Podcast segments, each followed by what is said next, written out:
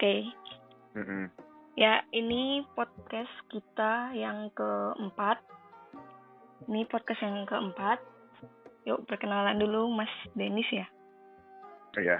Eh, ini pendengarnya ada namanya nggak ada ya? Nggak ada. Halo guys, Eh, ya saya Denny, saya alumni angkatan 2010 dari Prodi Desain Interior di ISI Solo. Oh, Eh, saya saat ini bekerja di Jakarta, berdomisili juga di Jakarta. Eh, kurang lebih seperti itu ya. Oke, kalau aku Ah. sendiri namanya Rati Raka TV. Bisa dipanggil Rati, Raka. Siapa Oke. aja bisa. Raka aja deh. Oh ya, iya kebanyakan manggil Raka sih. Oke, Oke. gimana nih? Nih, sekarang itu eh Mas berarti alumni 2010 ya? Mm-mm. Nah, sekarang itu aktivitasnya lagi ngapain aja nih, Mas? Kalau sekarang ya kerja otomatis, terus main game. ya gitu-gitu standar. Buat-buat musik gitu aja. Oke. Itu sih sekarang ya soalnya lagi pandemi kan eh ya harus banyak melakukan kegiatan yang menyenangkan ya menurut aku ya. Jadinya selain kerja juga untuk memenuhi kebutuhan ya main game ya kayak bersenang-senang aja supaya imunnya juga terjaga, kondisi tubuhnya juga oke gitu. Jadi ya harus senang-senang terus lah. Bener, bener, bener. Ini Mm-mm. sekarang ini lagi ngerjain proyek apa nih, Mas? Kalau boleh tahu. Di kerjaannya. Hmm, Oke, jadi kebetulan kan aku eh, sebelumnya baru aja pindah kerja dari kantor sebelumnya. Nah sekarang itu di Hihun Design Global, disingkat HDG. Nah itu eh, dia perusahaan Korea dan khusus di Jakarta ini dia hanya menghandle eh, showroomnya Hyundai, mobil Hyundai itu. Oh, Jadi sekarang aku eh, nge-handle seluruh showroom Hyundai di Indonesia. Gitu. Mantap, mantap. Itu di bagian apanya tuh kalau Mas tuh? Kalau aku sekarang di senior kreatif interior design. Itu boleh dijelasin nggak? Ngapain aja itu? Ah, mungkin kalau lebih menarik sih di job desk pekerjaanku yang sebelum di sini. Kalau yang di sini lebih ke standar karena showroom itu kan udah ada pakemnya ya. Oh iya. Jadi eksplorasi desainnya itu ya sebatas di koridor-koridor yang udah ditentukan sama pihak Hyundai Internasional sih. Jadi nggak banyak yang bisa aku jelasin banget lah di sini. Gitu. Kalau yang di kantor sebelumnya, nah itu macam-macam. Jadi ngehandle ya, berbagai apa ya, berbagai eh, objek desain itu semua aku handle gitu. Berarti kalau sebelumnya ada kantor juga kan, itu Mm-mm. dari awal Mas uh, kerja itu pertama Mm-mm. sampai sekarang ini udah di mana Mm-mm. aja tuh? Hmm, pengalaman kerja ya. Iya. Nah ini pengalaman kerja lucu sih. Nah jadi aku mau nanya dulu nih, kalau menurut kamu nih, kamu angkatan berapa sih? Aku angkatan 2019. Eh 18. Waduh. Ya ampun. 18 ya? Ah, ah. Masih baru ya. Udah 8, masih baru. Eh, semester berapa ya? Semester 5. Semester 5. Nah, kamu kalau ditanya nanti mau kerja apa, jawabannya apa? Waduh. Jujur sih, belum belum sampai ke sana banget. Masih Paling kepikirannya ya interior desain ya paling enggak ya? Iya, dalam lingkup gedenya doang. Kalau misalnya lingkup yang Mm-mm. mengkerucutnya itu belum tahu Mm-mm. mau, mau yang mana nih gitu. Hmm. Nah, aku dulu eh, waktu awal lulus itu sempat eh, jadi kerja freelance jadi guru di awalnya. Itu jadi eh, di Indonesia mengajar itu tapi yang ambil yang kelas 3 bulan. Tuh. Nah, jadi aku di situ sempat ngajar di Rote. Kemudian habis pulang dari Rote aku mulailah cari kerja yang benar-benar menghasilkan uang ya. Itu akhirnya jadi sales jualan.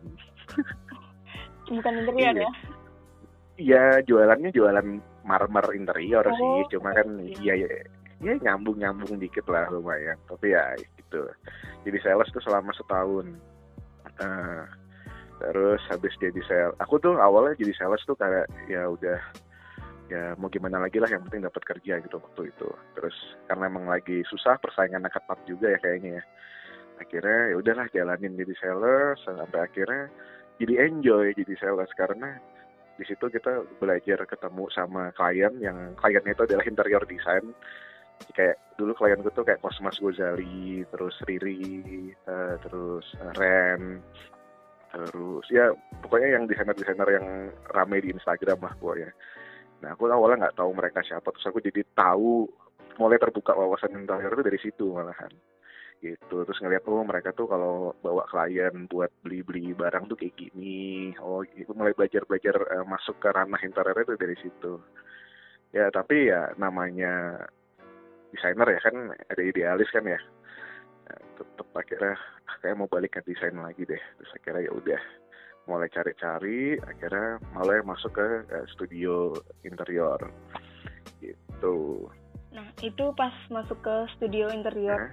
yang udah beneran nggak jadi sales nih itu mm -hmm. gimana tuh mas Nah, jadi sebenarnya waktu aku masuk ke studio interior tuh aku jadi apa ya? Antara jadi sales juga, oh. jadi project manager juga, jadi interior design sedikit malahan. Jadi aku di situ lebih ngurusin nyari klien, terus deal sama klien, habis itu uh, mengawal projectnya dari awal briefing sampai serah terima project. Nah, itu aku kawal semuanya. Jadi aku malah belajar memanage dulu jualan, terus belajar memanage, habis belajar memanage, baru habis itu pindah kerja lagi. Nah itu di situ aku baru benar-benar ngedesain 100%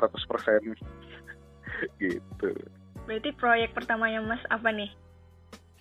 Kalau proyek pertama itu rumah yang benar-benar jadi 100% ya, itu rumah tinggal tapi interiornya ya. Kayak semua juga gitu deh, proyek-proyek awal tuh kalau kita jadi desainer kalau nggak coffee shop, uh, rumah tinggal atau enggak kamarnya siapa gitu kan gitu kalau dari semua sampai sekarang itu yang paling berkesan proyek hmm. apa mas? Uh, project yang paling berkesan ya banyak sih kalau ditanya yang paling berkesan cuma kalau buat yang apa yang menempa mental banget itu yang membuka wawasan banget itu bandara sih jadi kantor ketigaku itu Alien Design Consultant di Jakarta. Nah itu di situ aku proyeknya nggak ada apa ya kayak nggak ada batasannya. Jadi proyek yang terkecil dari let's say rumah dinas siapa, misalkan kemarin baru ngerjain rumah dinas saya itu Pak Erick Thohir itu sampai level bandara yang segede Gaban juga dikerjain. Nah di situ tuh uh, aku ngerasain ngicipin satu-satu nih mulai project yang dari yang paling kecil, yang kompleks, yang luas, yang tinggi, apa semua segala macam aku cobain. Nah, yang paling berkesan tuh bandara sih dari semua project itu. Uh, apa ya berkesannya tuh kalau bandara itu uh, kita harus kerjasama dengan berbagai macam disiplin ya. Jadi kalau yang mungkin adik-adik tahu itu kita cuma interior kita harus mikirin dari segi estetika lighting terus layout apa semua segala macam terus sesuai dengan fungsi yang dimau klien dah itu aja. Sementara kalau udah skala sebesar bandara itu uh, lebih kompleks gitu karena dalam satu project itu bisa berbagai macam disiplin yang ada di situ. Misalkan let's say aku interior diwakili alien kantorku. Terus kemudian lighting ntar ada perusahaan lain.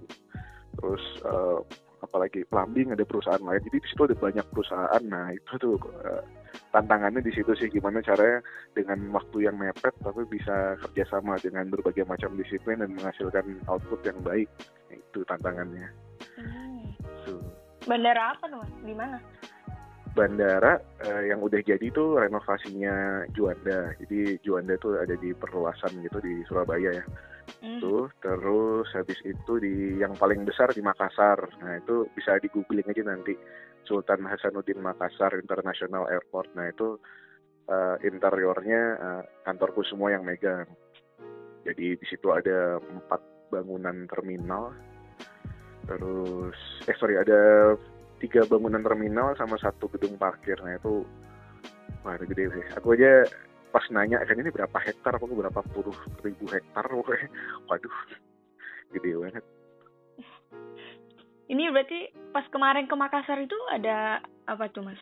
Project juga oh apa enggak. Kalau itu kan di kantor sebelumnya. Kalau kemarin itu ada ini apa namanya survei buat showroom Hyundai gitu. oh.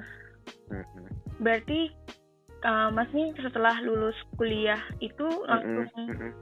kerja ya langsung dapat kerja hmm, iya ya career. iya uh, uh. aku lulus kerja lulus kuliah langsung kerja yang guru itu sebenarnya. Oh. ya kerja sih ya pengabdian lah gitu. Iya ya sambil jalan-jalan. Nah pas kuliah itu mas udah kerja juga kayak freelance gitu atau enggak? Pas kuliah hmm, lupa ya kayaknya enggak. Enggak soalnya kalau kebanyakan mahasiswa yang ngambil freelance itu kan semester 8, semester 7 ya pas udah mau lulus biasanya mereka ngambil freelance. Nah di semester itu tuh aku lagi banyak masalah soal tugas akhir dan itu masalahnya terlalu kompleks gitu dan akhirnya kayak nggak mungkin kayak kalau ngambil freelance ya. Mm. Gitu. Karena aku buat tugas akhir aja pengerjaannya itu hampir satu setengah tahun. Uh. Mm -mm. Nah itu gitu. apa tuh tugas akhirnya mas? nggak tahu masih ada nggak ya di perpustakaan dan tercoba dicari. Uh, ini uh, apa ya pokoknya perancangan, pokoknya judulnya pasti gitu kan perancangan apa Sapatu Cibaduyut gitu.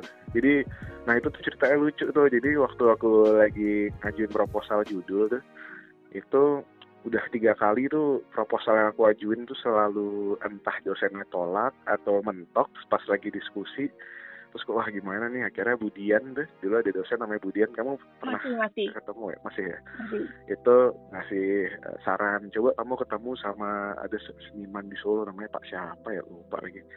Pak Gong Pak siapa gitu lupa terus udah ketemu sama senimannya karena waktu itu aku lagi pengennya ngehandle apa namanya contemporary art uh, galeri gitu di Solo. Oh. Nah, cuma pas ketemu senimannya tuh ngobrol dari jam 6 sore sampai jam 2 pagi itu belum ketemu juga titik terang judulnya apa enaknya gitu. Nah, terus padahal besok itu batas terakhir ngumpulin judul. Nah, udah akhirnya udah pulang udah jam 2 pagi belum dapat ide, ya udah tidur aja dulu gitu.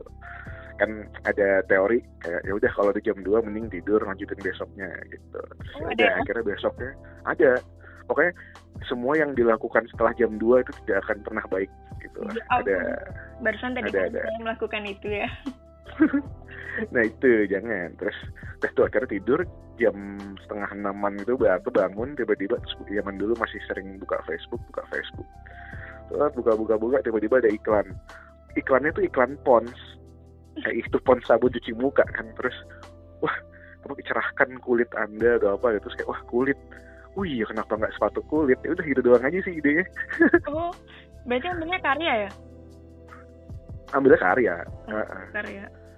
Lu pakai Soalnya aku juga nggak paham ya kalau interior tapi dibikin uh, skripsi tulisan tuh aku kayaknya nggak begitu memahami sih. Yang ilmiah ilmiah gitu ya? Aduh nggak deh kayaknya.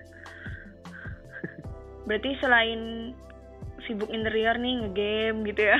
Kalau pandemi nah kalau apa namanya? Menurut mas yang setelah kita lulus kuliah mm-hmm. yang perlu kita apa persiapkan banget dasar-dasarnya untuk masuk mm-hmm. ke dunia kerja itu apa sih hmm, uh, dunia kerja ya. Uh, kalau menurut kamu gimana? Aku tanya dulu aku mau tahu perspektifmu. Kira-kira kalau kamu mau apply di sebuah perusahaan tuh apa sih yang perlu kamu persiapkan kira-kira nih? Yang aku jawab cuman bis bisa skill doang sih yang pasti ya nggak sih? Oke okay, terus? Skill tuh otomatis. Iya. Hmm. apa ya mas?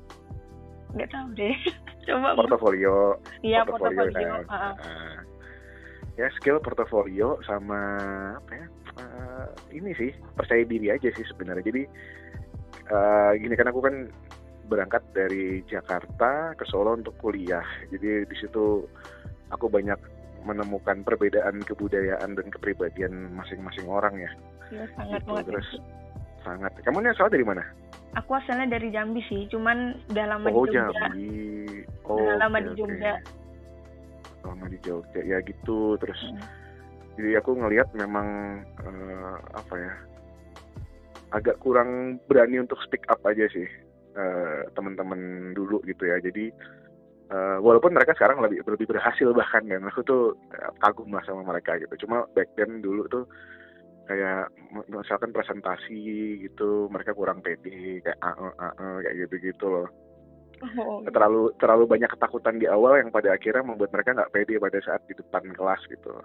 Itu nah uh, mak maksudnya adalah apa yang harus dipersiapkan kalau mau lagi ini mau lagi lamar kerja. Nah itu ke kepercayaan diri yang harus dibangun pada saat mulai belajar di kuliah itu yang harus dipupuk tuh. Jadi udah pede aja kalau lagi kuliah gitu pede presentasi pede segala macam tuh ntar akan kebawa pada saat interview kerjaan gitu. Karena kalau dari pengalamanku jadi kan aku dulu di Alien tuh sempat uh, apa ya menginterview lah beberapa kandidat yang mau masuk di kantorku. Jadi yang aku lihat tuh pertama kalau skill tuh sebenarnya relatif sih dia jadi rela, uh, kenapa aku bilang relatif? Karena semua orang yang masuk di kantorku dulu itu kebanyakan skillnya uh, beraneka ragam.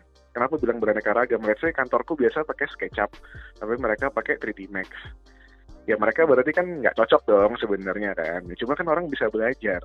Skill tuh orang bisa belajar, apalagi fresh grad tuh sangat dimaklumi gitu. Jadi nggak usah yang ya bagus sih kalau lulus bisa langsung yang master uh, render gitu boleh. Cuma Uh, paling uh, poin paling pertama kalau lagi uh, lamar kerja itu yaitu kepercayaan diri bisa meyakinkan si HRD perusahaan itu buat apa nge-hire kita jadi karyawannya itu jadi misalkan let's aku nggak jago perusahaannya butuh SketchUp. Aku bilang oh saya agak kurang di SketchUp cuma saya orangnya cepat belajar jadi nanti saya bisa menyesuaikan dengan kecepatan proyeknya terus kebutuhan SketchUp mentor mau sampai mana modelingnya kayak gitu-gitu. Jadi kita harus yakinkan bahwa oke saya nggak bisa SketchUp tapi saya bisa mau dan saya bisa dan mau belajar gitu. Ini intinya percaya diri. Berarti ada tuh yang kayak gitu tuh mas? Di tempat kerja? Ada. Oh. ya jadi dulu waktu aku masuk di kantorku aja eh, kantorku yang sebelumnya itu nggak bisa render pakai uh, software apa Enscape gitu. Terus ya udah akhirnya belajar gitu. Jadi uh, jangan takut soal skill terus jadi minder intinya percaya diri. Terus portofolio juga yang menjual gitu ya dalam tanda kutip pasti bakal diterima sih gitu. Menjual tuh yang gimana tuh mas? Menurut mas? Ah menjual tuh jadi kalau masih di bawah pengalaman kerja lima tahun itu harus yang layoutnya kayak majalah terus yang grafiknya bagus gitu. Karya ya uh, boleh lah oke okay lah gitu. Bakal dilihat tapi lebih dilihat pasti ke layoutingnya dan sedikit ke karyanya sih. Cuma kalau udah di atas lima tahun mau layoutingnya kayak gimana? Kalau uh, apa track record kerjanya itu oh ini pernah buat ini ini ini ini, ini udah pasti si perusahaannya itu udah merem sih. Ah ya udah nih terima aja gitu. Ya, ya. berarti itu tadi kriteria portofolio gitu ya yang dipersiapkan. mm -mm, mm -mm. Nah, sekarang kalau mau co tahu contohnya di Pinterest sih juga banyak sih yang bagus-bagus. Iya. Udah gampang banget sekarang Udah, kalau kamu tuh. Segala mm-hmm. mahasiswa ya itu. Gitu. Mas ini termasuk pas awal-awal masuk ke apa perkuliahan interior itu tuh mm-hmm. emang passionnya ke situ apa mm-hmm. gimana mm-hmm. nih? Hmm, passion. Iya. Uh, pada akhirnya, hmm, passion gak ya? dulu masuk ke interior gara-gara suka main The Sims aja sih. Terus sempat kejebak juga pada saat masuk interior. Terus uh, semester satu tuh buat uh, apa ya benda-benda dalam tanda kutip absurd ya. Nirmana Trimatra pakai sedotan apa segala macam itu awalnya kayak ah, buat apaan sih? gitu. Tapi ternyata kan itu kan elemen unsur dalam sebuah desain kan. Jadi emang itu tahapan yang harus dilalui tuh udah akhirnya udah enjoy lah jalanin. Sampai semester empat atau lima ya ada gambar uh, konstruksi yang pakai lotring tuh manual gitu. Pakai kertas kalkir. Kamu ngalamin nggak? Iya masih masih. Nah itu udah masuk situ udah udah mulai ke tahap itu aku udah kayak wah ini apaan nih? Kok aneh banget ini kok apa ya? Uh, susah gitu. Aku tuh orangnya nggak telaten jadi baru nyoret dikit udah bleber. Ya itu udah kejebaknya di situ. Udah mulai ngerasa wah ini salah jurusan nih kayaknya ini. Tapi akhirnya pas lagi putus asa gitu punya temen yang dulu SMK jago eh, megang rotring gitu udah kamu kerjain tugasku deh. Lu ngerjain gue gue ngerjain apa? Gitu. Jadi itu keren tugas. Nah sekarang tuh dia gimana nih? Uh, dia itu anak TV anak TV oh. UNS dulu. Tahu deh sekarang dia buat apa ya PH mungkin. Iya sih sebenarnya kalau aku juga ngerasain sih kalau setiap masuk semester baru kan pasti pelajaran mm-hmm. baru itu tuh kayak mm-hmm. deg-degan aja gitu sedang dan melihat mm-hmm. teman-temanku angkatanku tuh ya mas banyak mm-hmm. yang pengalaman sebelum SMK-nya gitu tuh udah Mm-mm. benar-benar fokus ke Iya. arsitek interior gitu Mm-mm, jadinya kan mm-mm. kayak minder Paham, gitu ya.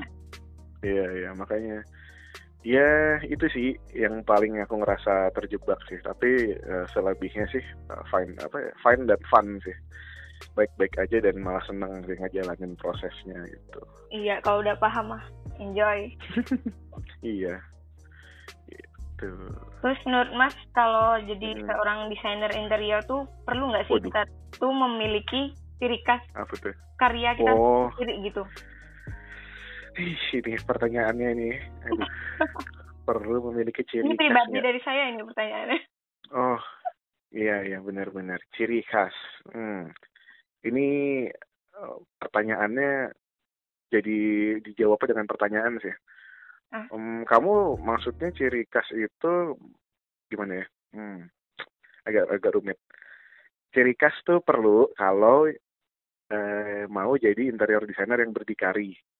Jadi kita Oh. punya selling point buat diri kita sendiri. Tapi kalau kita kerja di sebuah perusahaan, beruntung banget kalau kita punya perusahaan yang uh, suka dan cocok sama ciri khas kita dan kita bisa keras kepala gitu. Tapi kalau kebanyakan ya bosnya perusahaan itu kan udah, interior designer sendiri kan, dia pasti punya taste sendiri gitu. Terus belum lagi klien juga punya request mau gaya desain kayak apa ya kita di situ nggak bisa keras kepala sih. Lagi-lagi ya ya kita harus bisa balance antara idealis dan realistisnya diri kita gitu loh itu kita bisa aja selama 9 to 5 dari jam 9 sampai jam 5 kerja di kantor.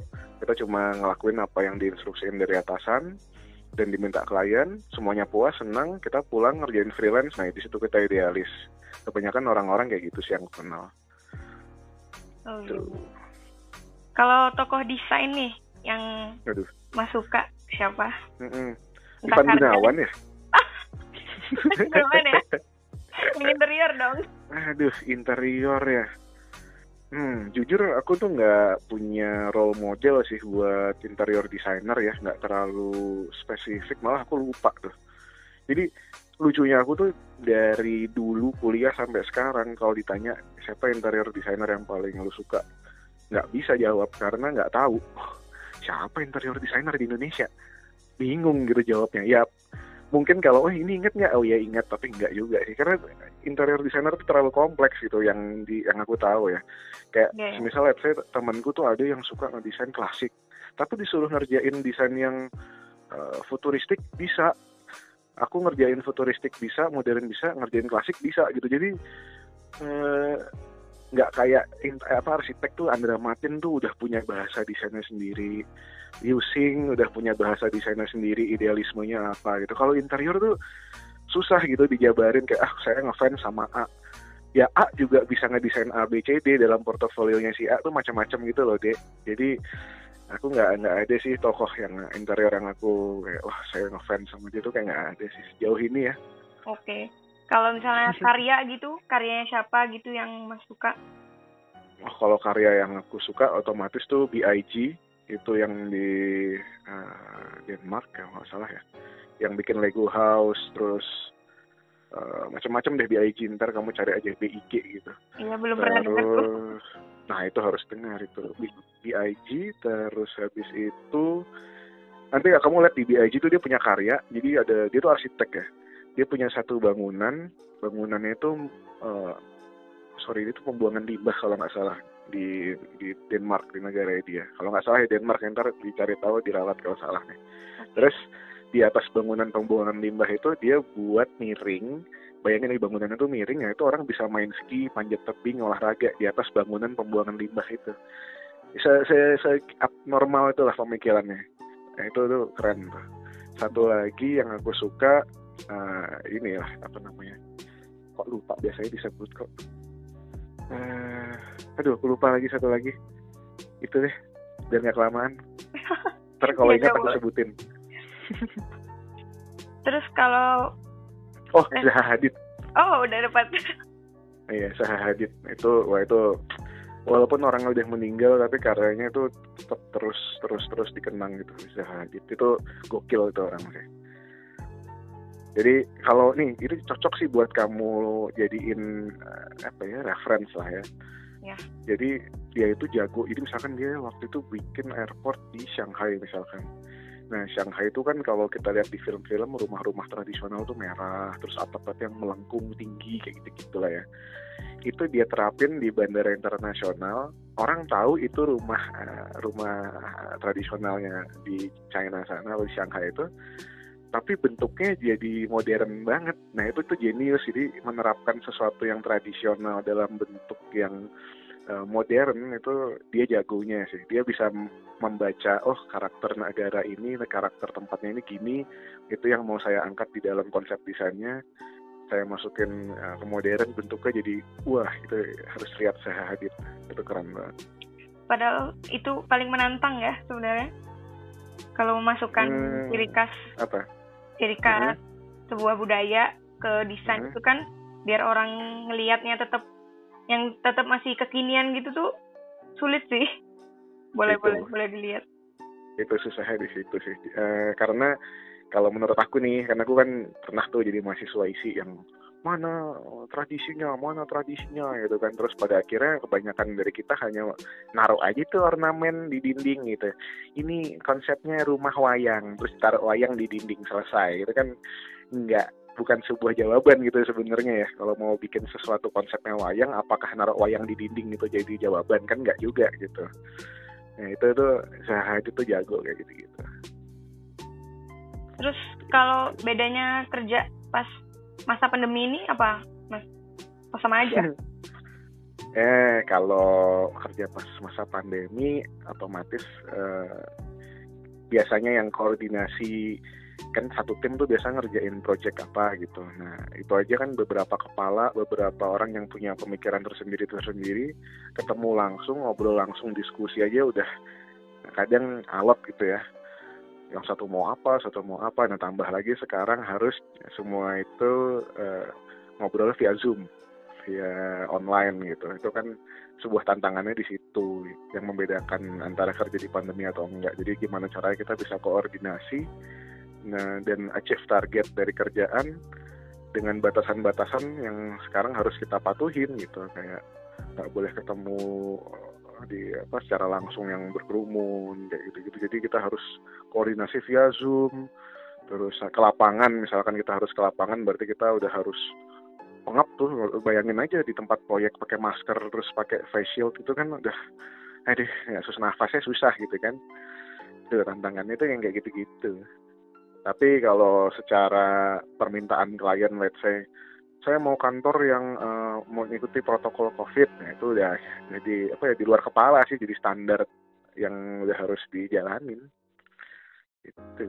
Nah, kata-kata Mas yang terakhir tadi itu termasuk nah, pertanyaan tahu lu mau nanya itu. udah, udah, udah, udah pertanyaan sih. Udah pernah belum bikin project mm -hmm. yang berkaitan dengan COVID? Mau uh, kan itu COVID masuk ke Indonesia tahun bulan Maret ya berarti udah ada beberapa kantor sih yang menerapkan itu. Even di bandara pun juga gitu. Cuma uh, ya ngaruhnya ke desain tuh sebenarnya cuma dari kita memberikan jarak antar meja antar kursi kerja gitu. Terus kita ngasih uh, apa namanya sekat gitu. Partisi-partisi yang let's say kayak macam akrilik atau uh, menggunakan material-material yang mudah dibersihkan gitu. Bukan kain kan susah dibersihin yang mudah dibersihkan di lap aja buat uh, mencegah virus itu stay di situ lama-lama. Paling gitu-gitu aja sih sama paling pemilihan material-material yang udah ada statement kalau mereka bebas dari bakteri kayak gitu-gitu. Lebih ke situ aja sih cuma kalau uh, sampai covid tuh bisa merubah desain secara 100% kayaknya sih enggak sih. Paling covid tuh ngaruh ke desain paling cuma berapa sih? 30% kok kayak kantor sekarang bentuknya masih kayak gitu-gitu aja cuma jaraknya aja jadi jauh-jauhan orangnya. Oh iya. Gitu. Sampai sekarang prestasi apa mas yang udah mas capai prestasi? Yang iya. maksudnya apa nih penghargaan ya? Iya penghargaan gitu apa ikut pernah ikut kontes apa dalam karya? Duh, nggak nggak aku bukan orang yang ikut uh, sayembara gitu sih. Oh. jarang. Uh -uh.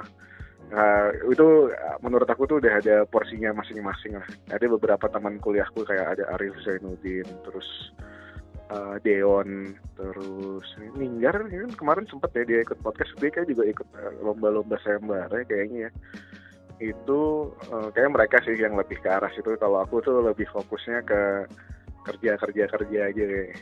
Cuan cuan cuan aja ya maksudnya iya benar benar. Benar. Gitu berarti ini WFA ya? Mm-mm. tetap ke kantor apa gimana? Oh selang-seling sih kadang WFH kadang ke kantor gitu